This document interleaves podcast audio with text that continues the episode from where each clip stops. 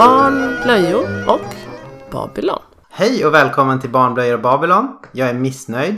Du är missnöjd för vi har haft teknikstrul. Ja, så nu sitter vi här med Blue Snowball och spelar in så att det är bara en, En sorts mikrofon här. Ja.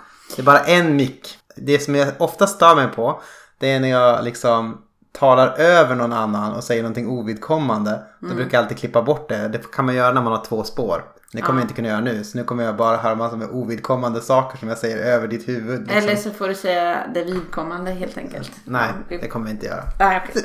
Men ehm, No det är kul thing. att vara tillbaka eh, i den här podden. Nu gjorde jag det. Nu pratade jag över dig där. Okej. Mm. Det är så lätt hänt. Ja. Men eh, kul att vara tillbaka i den här podden. Tack så mycket! Varmt välkommen eh, Annika. Det här är Barnblöjor Babylon. Som sagt. Det är ju våran eh, föräldrapodd. Precis. Där vi pratar samhällskritiskt om barn och föräldraskap. Det kan man väl säga lite sammanfattande. Det låter bra. Eh, vi har haft ett långt uppehåll. Ja, det har vi haft. Kom, vi, går inte in, vi går inte in på det. Nej. Utan att vi har haft ett långt uppehåll. Det är så det är. Mm, det är så det är. Vad har du haft för bra ögonblick med ditt barn? Golden moments of parenthood. Ja. Ja. Eh, vi var i Stockholm i helgen och gick på Naturhistoriska riksmuseet. Hmm. Och eh, då var vi bland annat inne på Cosmonova. Den sån bio där man typ eh, ser bion i taket och rakt fram och runt omkring så man känner sig som att man är i filmen. Mm. Och det var häftigt att se Efraims tefatsögon. Wow, det här är häftigt. Just det, liksom. för han är intresserad av planeter och stjärntecken och sånt där. Ja, det är han ju. Men den här handlar om havet. Mm. Ja. Eh, Men eh, han är väldigt intresserad av havet. Aha, Överhuvudtaget, han är intresserad av allt som har med kemi, biologi, fysik, teknik, matte framförallt då. Han är klassisk stämman. Science, technology, engineering, math. Ja. Precis. En stämman på sju år. Mm, precis. Mm. Men Amos tyckte det var kul också. Det är min fyraåring. Han är mera EQ, en EQ-person. Ja, men lite så. Men han är intresserad av allt också. Så den är väldigt smidig att ha med på Mm. Just det det. mesta. Mm. Ha, vad har du haft för gyllene ögonblick? Ja, det har varit ganska långa tider här sen sist. Ehm, Så ta något bara ur hatten. Ja, idag håller vi på pottröja. Vi har pottränat Esra. Mm. Och eh, igår så eh, var han eh, klar en hela dagen utan missöden. Idag gick det lite sämre. Okej. Men eh, i, igår gick det riktigt Man bra. får hålla fast vid eh, de bra dagarna. Mm. Han kan inte differentiera riktigt mellan kiss och bajs. Utan han kallar allting för bajs. Liksom, så när, han ska, Mm. när han säger att han behöver så säger han bajs, bajs. Och så sen så får man eh, gå, gå eller springa dit då, så snabbt man kan. Mm. Och, och förhoppningsvis så hinner man med och sådär. Men det är, oftast är det kiss. Eh, eh, Han är han, en alltså, han, är, han är, ka- det här med baj, anledningen till att vi började med potträningen det är ju för att han har eh, liksom mer, mer uttryckt en sån här um, oönskan, eller han vill inte bajsa på sig så mycket utan han liksom håller sig och liksom Mm. bajsar när han får tillfälle då, när han får sitta på pottan. Då tänker vi att eh, Det är lika eh, bra det är att lika köra. bra att köra, vi testar och sådär. Och det har gått, eh, det har gått rätt bra. Eh, Mm. Hur gammal är han nu? Två? Ja, två år och snart två månader Ja, men det är duktig. Ja, Mm. ja, han gör så gott han kan. Sådär. Det är ju lite så olika skolor det här med potträning. Så. Man kan ju uppleva, jag jobbar ju på förskola numera. Mm. Jag kan uppleva att ibland så är vissa föräldrar ganska stressade över att de ska få till det här snabbt med att barnet ska vara blöjfritt och sådär. Det är lite statusgrej tror jag. Och, eh, Det, det som ger högst status är att börja när de är spädbarn. Ja, precis. Och så, men så finns det ju också andra sidan vissa som också har väldigt högt självförtroende i sitt föräldraskap också och som är mer så här bara äh, du, to- du kommer när det kommer och sådär som är lite mer sådana. Så man kan nog vara lite, få lite status på två olika håll där tror jag. Att man kan antingen vara väldigt så här forcera fram det eller bara visa att man bara att man back. att laid back och verkligen bara bryr sig om barnets eh, Ja, känslor och sådär. Men jag tycker man blir mer laid back med andra barnet jämfört med första också. Att man, man inser det på, eh, vad säger man, mer känslomässigt. Att jo men det kommer att gå. Eller liksom, det, det kommer tids nog. De Mm. Ja. här olika utvecklingsstegen. Med första barnet så kan det lätt bli att man blir väldigt fokuserad på, ja, när ska det ta nästa steg? Ja, Och så. ja precis. Ja, det, man kan inte, missar man ju gärna lite grann livet och sådär. Om man är för hetsig. Vad har du, hur, vad har du misslyckats med för sätt? Vad är det för dina föräldrafail som du har? Ja, på vilket nej, sätt har du föräldrafail- utsatt dina jag- barn för eh, traumatisk stress eller liksom känslomässig stress under det här? Man undrar vad de kommer ta med sig när de är vuxna liksom, om hur de upplever den. Mm. Ja, Men jag tror att så en sån sak är att jag kan bli väldigt arg i vissa situationer när det låser sig. Eh, framförallt min sjuåring Efraim som ibland har eh, svårt med det man kan kalla för affektreglering. Att, ja, men eh, små saker ger väldigt starka känslor som man har svårt att lugna ner. Liksom. Och då var det någon gång när han hade han hade riktat in sig på några pärlor som Amos hade och skulle ta dem för honom och att han absolut inte ville ge sig på den punkten. Och då sa jag att nej men då får jag eh, reglera så ni får hälften av pärlorna var. Och då säger Fred, nej jag ska dela upp dem. Och då skriker jag tillbaka, nej jag ska dela upp dem. För det är jag som är vuxen. Och så liksom tonläget är väldigt, eh, ja. Det, jag skriker. Liksom. Om man skriker, det är jag som är vuxen, då känner man sig inte så vuxen kanske. Nej, precis. Man verkligen måste understryka det också så. Jag var inte den naturliga auktoriteten. Nej, det är väl den jag brister i ibland. Ja. Eh, Ja, det var väl lite fail. ja, det var lite. Också för att det är bättre att bemöta honom med lugn. Det är liksom, det är ingenting i situationen som blir bättre för att man själv skriker. Affektivt bemötande. Ja, och det kan man ha synpunkter på generellt. Lågaffektivt bemötande. Ja, Det, det vet inte jag. Har inte. Jag har ingen koll på om det är bra eller dåligt. Så jag bara, jag bara sjöng det lite Jag grann. tror att det är också svårt att säga att det, det här är alltid bra och ska alltid tillämpas överallt i alla skolor och sådär. Men eh, det hjälper verkligen inte att bli arg på Efraim. Nej. Utan det gör det värre. Så det är bättre om man kan Han, han behöver ett lågaffektivt bemötande helt enkelt. Mm. Men då var jag inte så lågaffektiv. Då var jag lite för arg. Högaffektiv. Ja. Mm. Hur har du failat som förälder? Åh, ja, det är ju som sagt må, mycket vatten som har runnit under broarna där. Eh, sen jag nästan dränkte min son då. Ja just det, det var det som var sist. ja, vad har, jag, vad har jag misslyckats med för någonting? Mm, Du är ganska lyckad helt enkelt.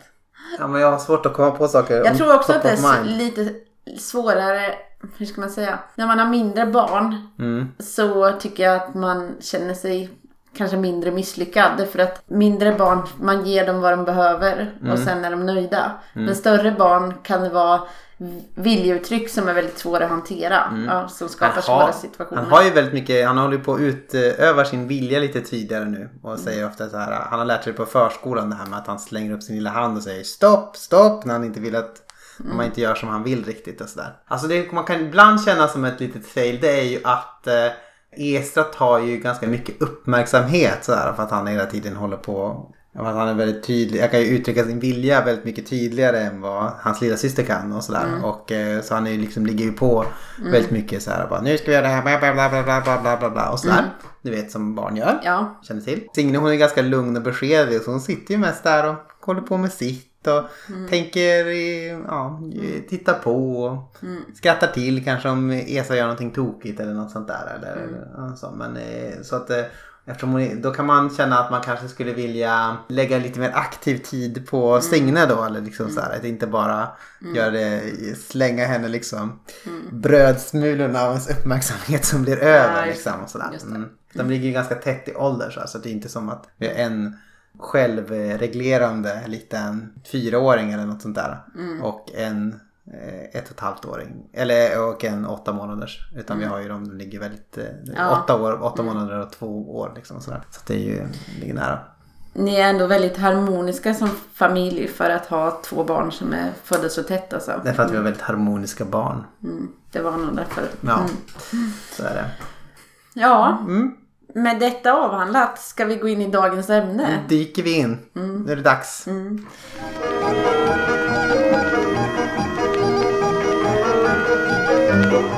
Vad har vi läst nu? Vi har läst ett kapitel ur det som på svenska heter Lögnen om skolans nödvändighet. Eh, Är det Deschooling Society eller?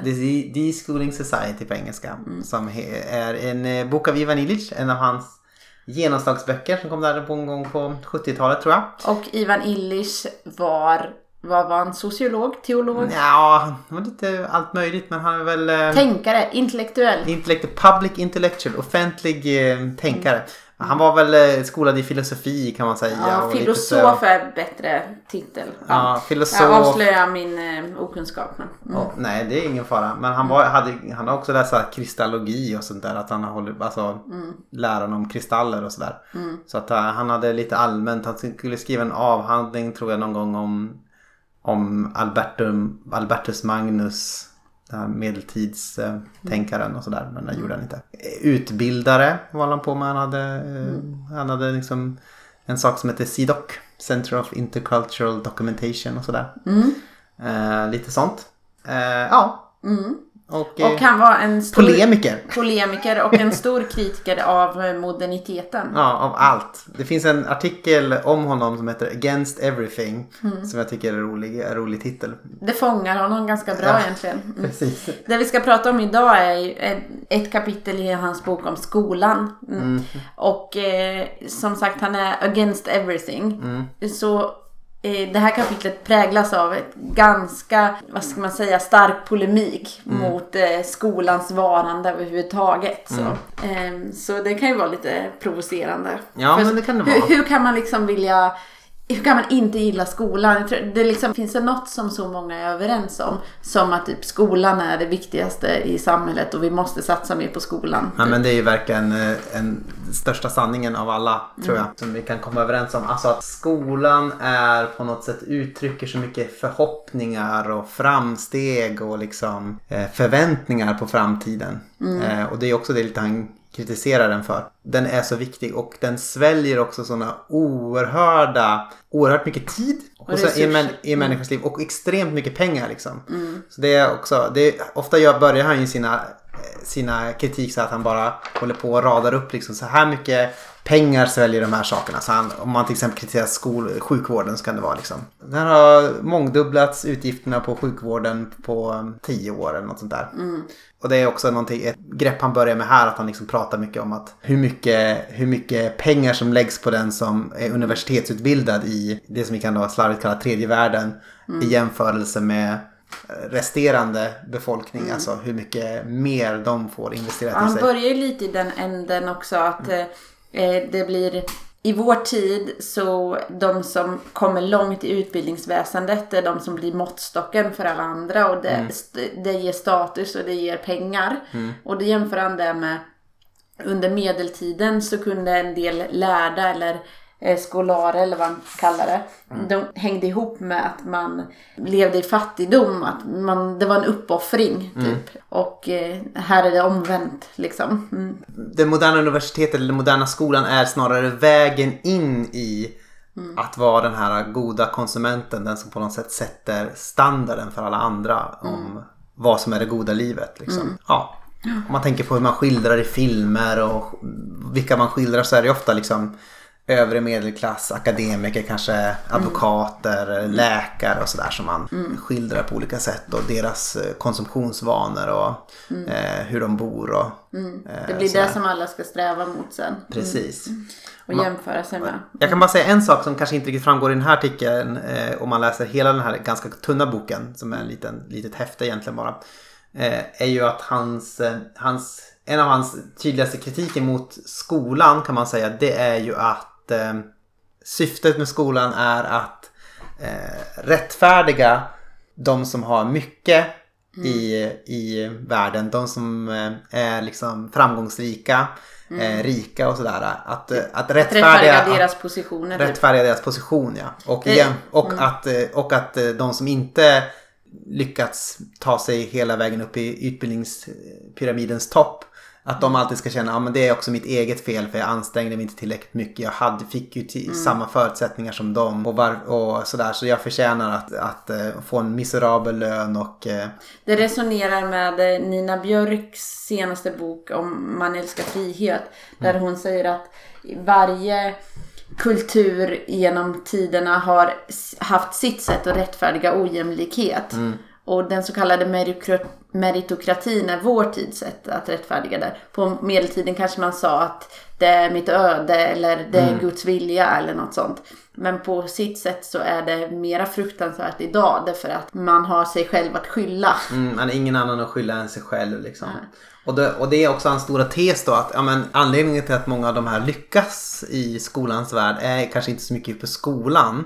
Eller att de har tagit del av skolan utan för på grund av ja, men, föräldrar som man har haft som har kanske ett visst intresse för böcker eller som Kanske lite genetiska förutsättningar Ja, också. lite- det säger inte han kanske men man kan tänka det. lite rik, ja, men som är lite rikare som kanske ger sina barn bättre förutsättningar som har mer tid eh, eh, för sina barn och som kanske också ja, tror väldigt mycket på skolan som väsen på något sätt och, in, och för vidare det här värdet och hur viktigt det är med skolan. Liksom. Det är oftast kanske de som är socioekonomiskt i framkant som lyckas i skolan och det går sämre för de som inte har det lika bra. Och de blir dropouts som får skylla sig själva liksom, för Ja, att det har blivit som det har blivit. Men sen kan man ju också tänka att skolan tränar en in i att bli en nyttoindivid i ett nyttosamhälle. Just det. Eh, ja, han använder inte de orden men han kopplar det till arbetssamhället på så sätt att han säger att han säger att alienation det är ju ett eh, begrepp som Marx kanske eller någon där lanserade. Men i alla fall det här att känna sig främmande inför det man gör. Så. Eh, och då säger han att det är typiskt för lönearbetet. Men att unga människor i våra dagar blir redan på förhand alienerade av skolan. Liksom. Just det. Eh, därför att det handlar inte om kunskapsinhämtning som sådant utan det handlar på något sätt om att bli en sån individ som kan stå ut med den här typen av liv. Och så tänker jag jättemycket det här att man ska börja klockan åtta, man ska eh, följa vissa liksom en process som är bestämd på förhand som, som eh, Illy säger och man ska liksom klara av det här rutinlivet som känns helt dött på något sätt. Och det lär man sig då från tidig ålder för att kunna klara av det när man blir äldre och för att inte kunna ifrågasätta det om man säger. Han har ju, det finns en, en rolig tweet för ett tag sedan på Twitter. Och där, där stod att skolan får väldigt mycket dålig press nu för tiden. Men egentligen är det ganska fantastiskt så här.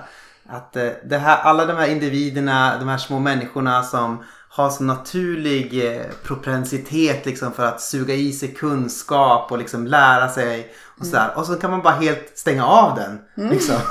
det är fantastiskt. Det är så effektivt dödande av nyfikenhet och eh, liksom ja, viljan att lära sig. Så det är också den här, och så finns den här delen med att man pratar om, om det som att man lär sig konsumtion i, eh, i skolan. Att man lär sig att det sättet man kan få kunskap det är att konsumera den här produkten. Eh, skola, lärande. Att Utbildning är en produkt typ. en Ja. produkt som man lär sig att den, det här är sättet som man får kunskap på. Så då nedvärderas allting som är så självlärt. Eller som man lär sig genom kanske en mera fri samvaro eller genom att man går bredvid någon. Ja, typ eller att man, eh, man testar att göra och sen, ja. man lär sig av sin mamma, eh, man lär sig av sin pappa, man lär sig av sina kompisar, olika saker. Det är liksom nedvärderas och det är där. Om, om du går till den här personen, sitter de här timmarna i det här rummet och lyssnar på den här eh, figuren. Då har du fått utbildning. Och då har du fått, eh, och det är samma sak som kunskap. Och du konsumerar den här produkten och så lär man sig att då har man också förväntningar att om jag konsumerar tillräckligt mycket av de här då kan jag också bli liksom en framgångsrik eh, person eller en, en person som har rätten eller som kan förvänta sig vissa privilegier i, i samtiden eller i samhället. En sak till som jag tyckte var en viktig poäng. Det är att de, det som skolan förmedlar, den typen av kunskap, är väldigt fokuserad på det mätbara och kvantifierbara. Ehm, och det, om det är någon som har läst typ Jonna Bornemark så pratar hon om det som eh, kan man säga att eh, från tidigare filosofer men att eh, intellektet kan ha, har en sida ratiot som är mer räkna som är med fokus på det mätbara men så finns det också intellektus som är den delen som är kan göra bedömningar, är situationskänslig och så. Eh, och skolan får det att verka som att det enda som räknas är det här mätbara. Eh, Det är ett sånt fokus på Och att det. allting kan mätas. Liksom. Ens Mm. kreativitet, ens fantasi, ens förmåga till musik typ. Eller, något sånt. eller Och jag ska ta ett kort citat här eh, som Illich skriver. Men den personliga utvecklingen är inte en mätbar storhet. Den är tillväxt i disciplinerat men avvikande tänkande. Och detta kan inte mätas med någon måttstock eller undervisningsplan och inte heller jämföras med någon annans prestation. När det gäller sån kunskap kan man efterlikna andra endast i fantasifull strävan och följa i deras fotspår snarare än härma deras sätt att gå. Ja, för jag tycker det är också det att jämförelsen är ju jätteviktig i skolan. Att man eh, graderas beroende på hur bra man presterar. Men det säger väl på något sätt att sann kunskap går inte riktigt, ja, man kan inte jämföra sig i det på det sättet. Eller sann, sann utbildning eller vad man ska säga. Så här eh, tycker jag att eh, det finns poänger. Ja, men jag tycker också det. Den är väldigt provo- provocerande för mig personligen eftersom jag har lyckats bra i skolan. Alltså jag har också vi- alltid älskat skolan och jag har längtat efter att få gå i skolan och lära mig saker enligt den förutbestämda processen som Illich är väldigt kritisk emot. Men Precis, och, eh, men jag har nog också alltid tyckt att det var roligt. Jag kan nog mer tyckt att det varit en, alltså att jag tycker att det är en forcerad form av gemenskap snarare. Att man ska fösa samman liksom, barn i samma åldrar i stora grupper. Det tycker jag är lite mer problematiskt här, för att det, liksom, det är en ganska så här, upplagt för typ katastrof känns det som Ja. ibland. Att, att, att inte blanda åldrar, att inte ha det här mera att man kan ha typ en barn i, mognare barn i kanske i samma plats eller samma rum som yngre barn som, som kan liksom och så kan de påverka varandra positivt på två vägar. Liksom. Det, det skulle jag tycka var bättre men att, det, ofta blir det så här, blir det, kan det bli ganska obehaglig stämning i, i skolor och i klasser och sådär. Jag, och jag har inte haft så mycket problem med själva skolprocessen på det sättet, alltså liksom lärandet eller så här, utan det tyckte jag har funkat ganska bra. Det har inte varit så här, inte, jag har inte upplevt det som speciellt själsdödande. Det beror, om det är någonting som man inte, verkligen inte tycker om eller inte har fallenhet för, då är det ju lite så. Man kanske får ha respekt för att det är mer självstödande för de som har lite svårare att lära sig saker. Att då, Som inte tänk så passar i här- det här systemet. Liksom. Ja, att då dag ut och dag in måste sitta där och känna sig värdelös på det. Liksom Mm. om man har lite svårt att ta till sig den typen av teoretiska kunskaper. Och då sätter man ju verkligen den här, ja, men den här känslan av att du har misslyckats för, ditt, e- för din egen skull för att du inte du tog inte till dig det här som du blev erbjuden. Liksom. Eh, och det är ju inte bra. men det finns ju, jag tänker också så här, jag vill skulle vilja koppla till förskola. Jag jobbar ju på förskola. Och det är intressant tycker jag. Förskolan är ju på många sätt, pratar ju mycket om det här med fria lärandet, lärandet i leken. Att man att leken är på ett sätt meningen med, med livet för barn och att det är där man lär sig. Eh, och så. Det, på många sätt så är man, det låter lite så här illichianskt va? Förutom att det är en, liksom, en totalt fejkad miljö så är det ju liksom. Eh, så är, så man, man arbetar mycket på man arbetar mycket på det här fria, fria lära genom leka. Så det kan jag tycka är ganska bra och så sympatiskt. Men det som jag kan tycka är problematiskt är att många föräldrar tror att den är så himla oumbärlig förskolan. Att man tror bara åh nej nu har mitt barn varit sjukt, nu har de missat jättemycket. Bara så här, men nej men de missar inte så himla mycket. Bara om man är liksom så här lite halvt närvarande som förälder med sina barn. Se till att de ibland träffar andra barn. Så kan de lära sig väldigt mycket på den vägen. Utan sko- förskolan är ju till för, eh, om man ska vara krass, för att folk arbetar liksom. Men det är väl så, det är väl primärt en förvaringsplats. Ja. Eh, som Sen har man också- sen har pålagor av pedagogiskt tänk. Precis. Det började ju inte som en idé om att vi måste lära barn saker tidigt i livet och därför fösa ihop dem i de här inst- institutionerna. Utan institutionen kom ju till på grund av att båda föräldrarna skulle ut i arbetslivet. Och sen så har man liksom, ja men där skol, läroplanen kom ju sent, det är väl 98 den kommer ifrån. Förskolans läroplan tror jag. Det är som en liksom tanke efter faktumet så kom man på att man behövde en läroplan och liksom tänka, och tänka på det sättet så här. Så att jag, alltså förskolan är bra på många sätt. Förskolan kanske också har lite hybris ibland och föräldrar tror lite för mycket om på förskolan. De Eh, tror inte lika mycket på sig själva. och, Nej precis, många har ju dåligt självförtroende och tror att, det, att de inte kan lära sina barn någonting. Men det tänker jag att det är ofta där primärt eh, man lär sig Alltså saker. vi har lärt Efraim så sjukt mycket saker Ja. som, eh, det, som skolan aldrig skulle kunna lära honom. Mm. Han, det här är ju skryt och det får ni väl stå ut med. Men han gör ju till exempel andra grads ekvationer. Skulle liksom Ingen i skolan skulle komma på idén att man kan lära en sjuåring så eh, avancerad matte. För de skulle bara vara nöjda över att han kan räkna sina två plus två. Eller liksom, poängen är inte att se varje barns potential så, utan poängen är mer att se till att alla upp, uppnår miniminivån. Ja men så är det ju verkligen. Och eh, politiker har ju också en tendens att tro för, eller det här med förskolan just om jag går tillbaka till det lite Ja, förlåt. Jag, Nej det, det är jättebra. Vi, vi har ju två barn i olika åldrar så man får koppla det till lite olika sätt. Socialdemokraterna hade för några år sedan förslaget att man skulle få obligatorisk förskola från tre år. Och då var det många som bara, jag emigrerar härifrån det här landet. Och då var ju tanken att illa dolt att man ville liksom integrera invandrare liksom att de skulle komma Ja, i, som i lär sig svenska ordentligt tidigt tror jag. Ja. Precis. Kanske Ja. lite svenska värderingar vad nu det är. Men kanske mest språket egentligen. Det var väl lite grann det som var tanken så här att man ska tvinga in eh, tvung- tvinga invandrarna och barn att komma så att de lär, lär sig bra svenska och sen så ha goda förutsättningar så småningom när de börjar skolan så här. Men det är ju ja, jag tycker att vi har tillräckligt mycket tvång i skolans värld ändå. Och sen så är det också så här, man måste ju se det Ja, men det har ju inte att göra med att förskolan är en sån fantastisk plats liksom, Nej. för att folk lär sig svenska bra. Utan det har att göra snarare med liksom, eh, att stora grupper är isolerade från varandra. Att man lever i rikedomens Segregationen, ja rikedomens getton. och fattigdomens getton. Liksom, och att man inte har med varandra att göra. Det är det som är problemet. Och att jag tror de som det går bra för, i för eller de som förskolan oh, bevisar att det har så fantastisk potential. Det är ju de, det är för att det är föräldrar som är väldigt så här, ambitiösa och drivna som kanske också propsar på att deras barn ska gå mycket i förskolan och eh, som verkligen tror på den här utbildningsidén och som också kanske därför tenderar att vara liksom så här mata medvetet eller omedvetet sina barn med, med, med värdet av att lära sig och eh, ja, hitta på saker. Jag tror inte att det har så mycket att göra med att man sätter barn på en och samma plats. Liksom så här. Det, är bra, det är bra med förskolan men det är liksom, den är inte så den är inte så unik miljö som man kan tro.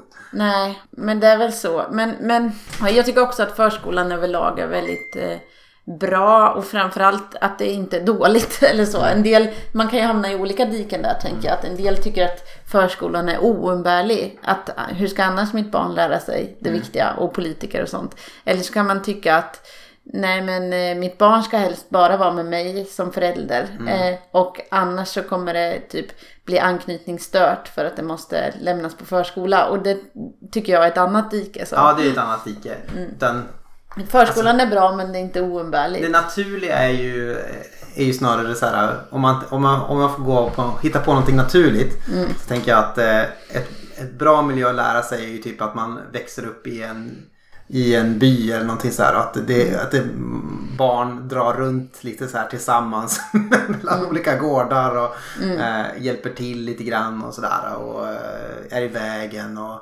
och sådär. Eh, det är ju typ, eh, alltså det är, mer, det är mer en sån setting som jag tänker är det naturliga eh, för kulturvarelsen människa än det här att man är isolerad med typ en förälder som är föräldraledig eller å andra sidan sätts på en institution eh, åtta timmar per dag. Utan det, är- det är ju mer, ja, mer det tror jag. Människan är skapad kanske för mindre grupper. Där man kan ja, lära sig av varandra i, i gruppen, i den naturliga miljön.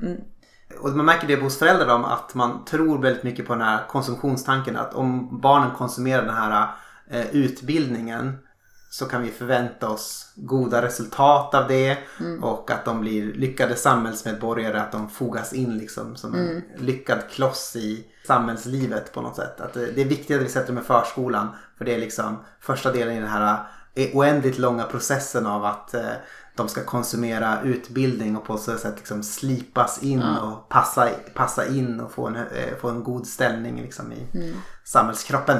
Och det ger tillfredsställelse för föräldern när barnet lyckas. Men eh, då får man också vuxna som är en bit in i arbetslivet känner den här totala meningslösheten. Varför gör jag det här? Vad är meningen med alltihopa? Ja. Det är därför liksom målet med skolan måste ju kopplas ihop med målet för hela samhället. Alltså att om man skulle på något sätt kunna omskapa skolan så skulle man också lite behöva omskapa eh, idén om varför vi lever. Typ. Intressant. Ja, nej, det, Ja, men det, ja, det var intressant. Mm, det, Eh. det blev kanske lite för stort och flummigt. Ja. Men, men liksom att det sitt... Alltså, eh, skolan formar en viss typ av individer som passar in i ett visst typ av samhälle som finns till för produktion och konsumtion. Typ. Men att eh, om vi ska tänka oss alltså att skolan ska fungera på ett annat sätt så behöver vi kanske tänka att samhället också ska fungera på något annat sätt. Just det, just det var det. som var min Ja, poäng. men- Mm.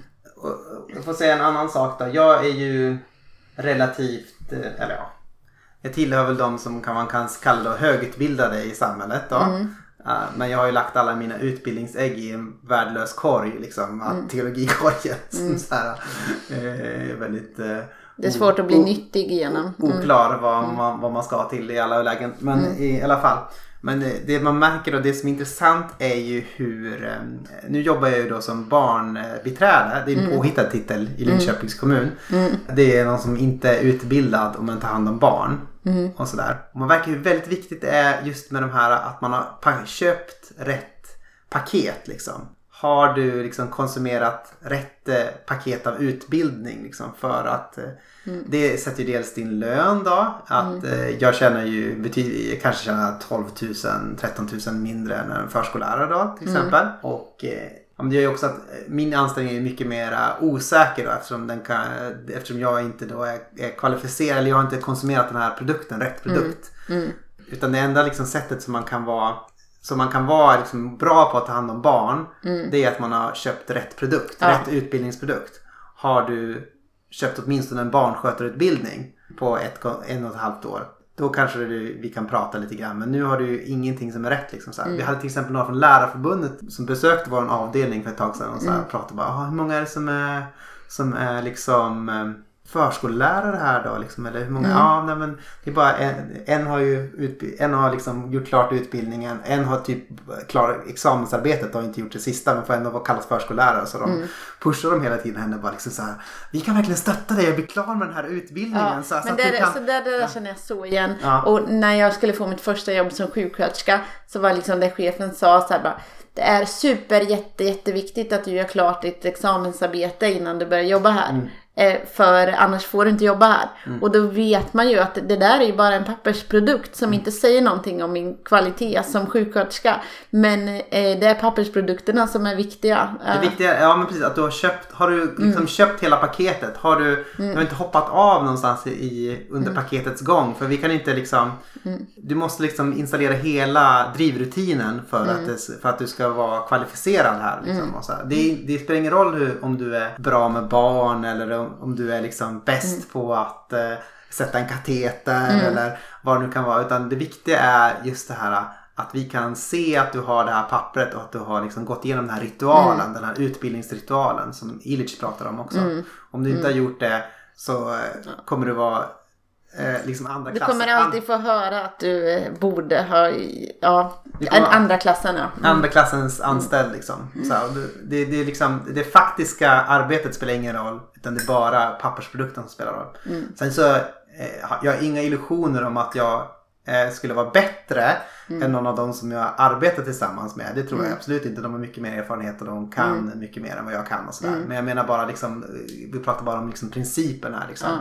Eh, Men så är det jättemycket och de pratar om att de vill att sjuksköterskeutbildningen ska bli längre. Typ både facket och, och universitetsutbildningen och sådär. för då vet man att den är bra om den är lång. Ja men ungefär så. Det är, det är en garant för det. Men så vet man att i praktiken är det inte alls säkert det finns en koppling mellan de som tycker om att studera mycket på högskola och de som har rätt typ av sit- situationskänslighet i... Eh, det är ju en fingertoppskänsla mycket att vårda. Eh, och det är inget man kan studera sig till på det sättet. Jag Nej. säger inte att hela utbildningen är värdelös men att det är inte allt. Det är väl Nej. det. Mm. Och det kan låta ibland som att det är allt. Ja. Och Illich har ju den här idén om att man inte ska diskriminera någon på grund av utbildning. Ja, Utan om man ska tillsätta en tjänst, han tycker att man borde ha lagar som säger så här att man inte får diskriminera någon på, ut, på grund av utbildning eller på hur de har förvärvat kunskaperna. Utan man gör ett test då, liksom, om de är lämpade för den här uppgiften. Liksom. Och om de klarar det då får du anställa dem. Oavsett om de har liksom, om de har gått den formellt rätta vägen eller inte liksom. Utan det, eh, han tycker att man ska ha sådana antidiskriminerings eh, för, utbi- för utbildning liksom. Så. Det är ju rätt spännande tycker jag. Att eh, det går helt emot hur man tänker i ja, Ja, arbetslivets organisering idag. Det är en av de bästa tankarna jag tycker att han har. Liksom, det här att man, ja, men det är någonting som man, som man verkligen skulle kunna ta tillvara på. Det kanske vi, tycker jag faktiskt vi skulle nästan kunna införa rakt av. Liksom. Okej, är du bra på, på det här då? Och sen så testar man. Du var bra på det. Här, varsågod, du får jobbet. Liksom. Istället för att då ska man hålla på och tvinga någon som kanske inte har liksom, eh, förmågan till en viss typ av studier att liksom bara dra sig igenom det här hjulet liksom, och, eh, mass- och liksom, tugga, tugga sönder sin själ. Men det är kanske det att man har, när man bevisat att man kan tugga sönder sin själ. Mm. Då kan eh, arbetsgivaren använda den fär- färdigheten. Mm. Att eh, ännu en person som kan tugga sönder sin själ. här är någon som inte kommer göra problem för den här har liksom gått igenom den här mm. initiationsriten och som har, kan, vet ju att man kan, måste underkasta sig. Ja, den kan, den kan underkasta sig. Ja. Så, ja. Ehm, och det är ju rätt provocerande att prata om den, den är utbildad, det är den som är bäst på att underkasta sig. Men eh, någonting ligger i det. Och förbundet pressar också den andra personen. Där, du måste skaffa utbildning. Som Mm. hon, är, hon hade fel utbildning. Hon är lågstadie. Okej. Ja, men då är det fel papper. Precis. Ja. Eh, Så det spelar ingen roll. Liksom. Bara, Man måste bara ha pappret. Liksom. Mm. Eh, Att du har, eh, har du konsumerat rätt produkt Mm. eller inte. Ja, så det finns jättemycket att prata om det här. Eh, sammanfattningsvis. Jag, för eller emot skola? För. För skola. Men eh, jag skulle vilja se en skola som bättre tar vara på liksom, varje barns nyfikenhet eh, och naturliga, liksom, naturliga vilja att lära sig saker. Och som eh, kanske använder sig av lite ja, som är lite mindre fyrkantig. Jag skulle vilja se en skola utan betyg och utan den typen av jämförelse. Och som lyfter in lite andra värden. Men eh, jag har svårt att tänka mig, där skulle man också kunna prata om kritik mot Illich, som vi inte har gjort så mycket. Men man skulle kunna kritisera honom för att om man lät kunskapsinhämtningen bli mer organisk och upp till var och en, typ att det inte fanns någon institu- institution för det, då skulle ju som samhället är organiserat barnen blir väldigt utlämnade åt sina föräldrar eller familjemiljöer. Och det är inte säkert att det skulle bli ja, mer jämlikt. Precis. Det, här- det han, han är inte emot institutioner per se. Men jag skulle bara vilja... Eh, hans tanke är ju på något sätt att man ska ta, bryta monopolställningen. Att skolan inte ska ha monopol på utbildningen. Utan man ska kunna skaffa... Man får bestämma själv hur man ska utbilda sig. Han, har prat, han tänker sig att, typ att man har utbildningskrediter. Att säg att du har 500 utbildningskrediter och så får du använda dem hur du vill. Liksom, typ så. Det är ju... Ja, det är, det är kanske också lite utopiskt eh, tänkande. Och, sådär. och ibland kan man märka också att han är ju, han har ju lite, han har väldigt stor tro på att det han ska, det han föreslår att det är på väg att hända liksom. Och sådär. Och man kan verkligen känna så här att han är entusiastisk. Så här, bara, det är fler och fler som eh, ifrågasätter liksom Men jag tror det kanske var lite mer sån typ av anda på 70-talet. Eh, alltså samhällskritisk och ja men nu på något sätt är det ju det är ganska dött. Det finns såklart intellektuella som kritiserar systemet men eh, det är ingen revolutionär anda Nej. i samhället som helhet. Men du då, för eller emot? Nej men jag eh, är väl eh, tentativt för.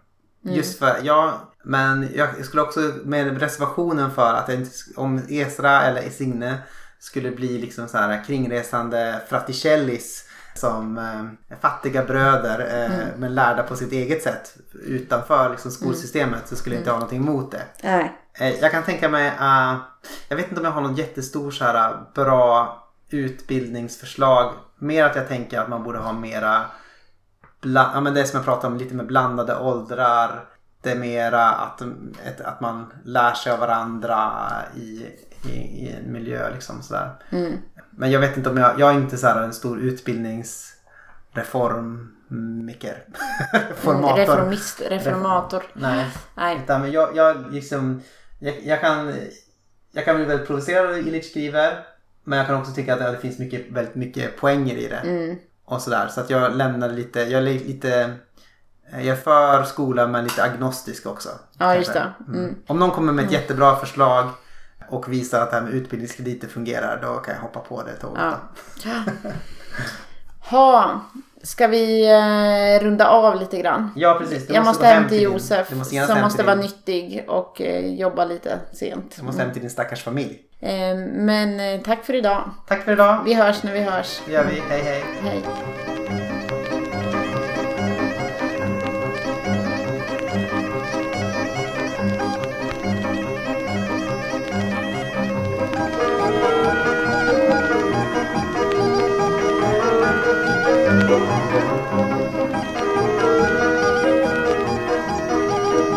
Barn, blöjor och Babylon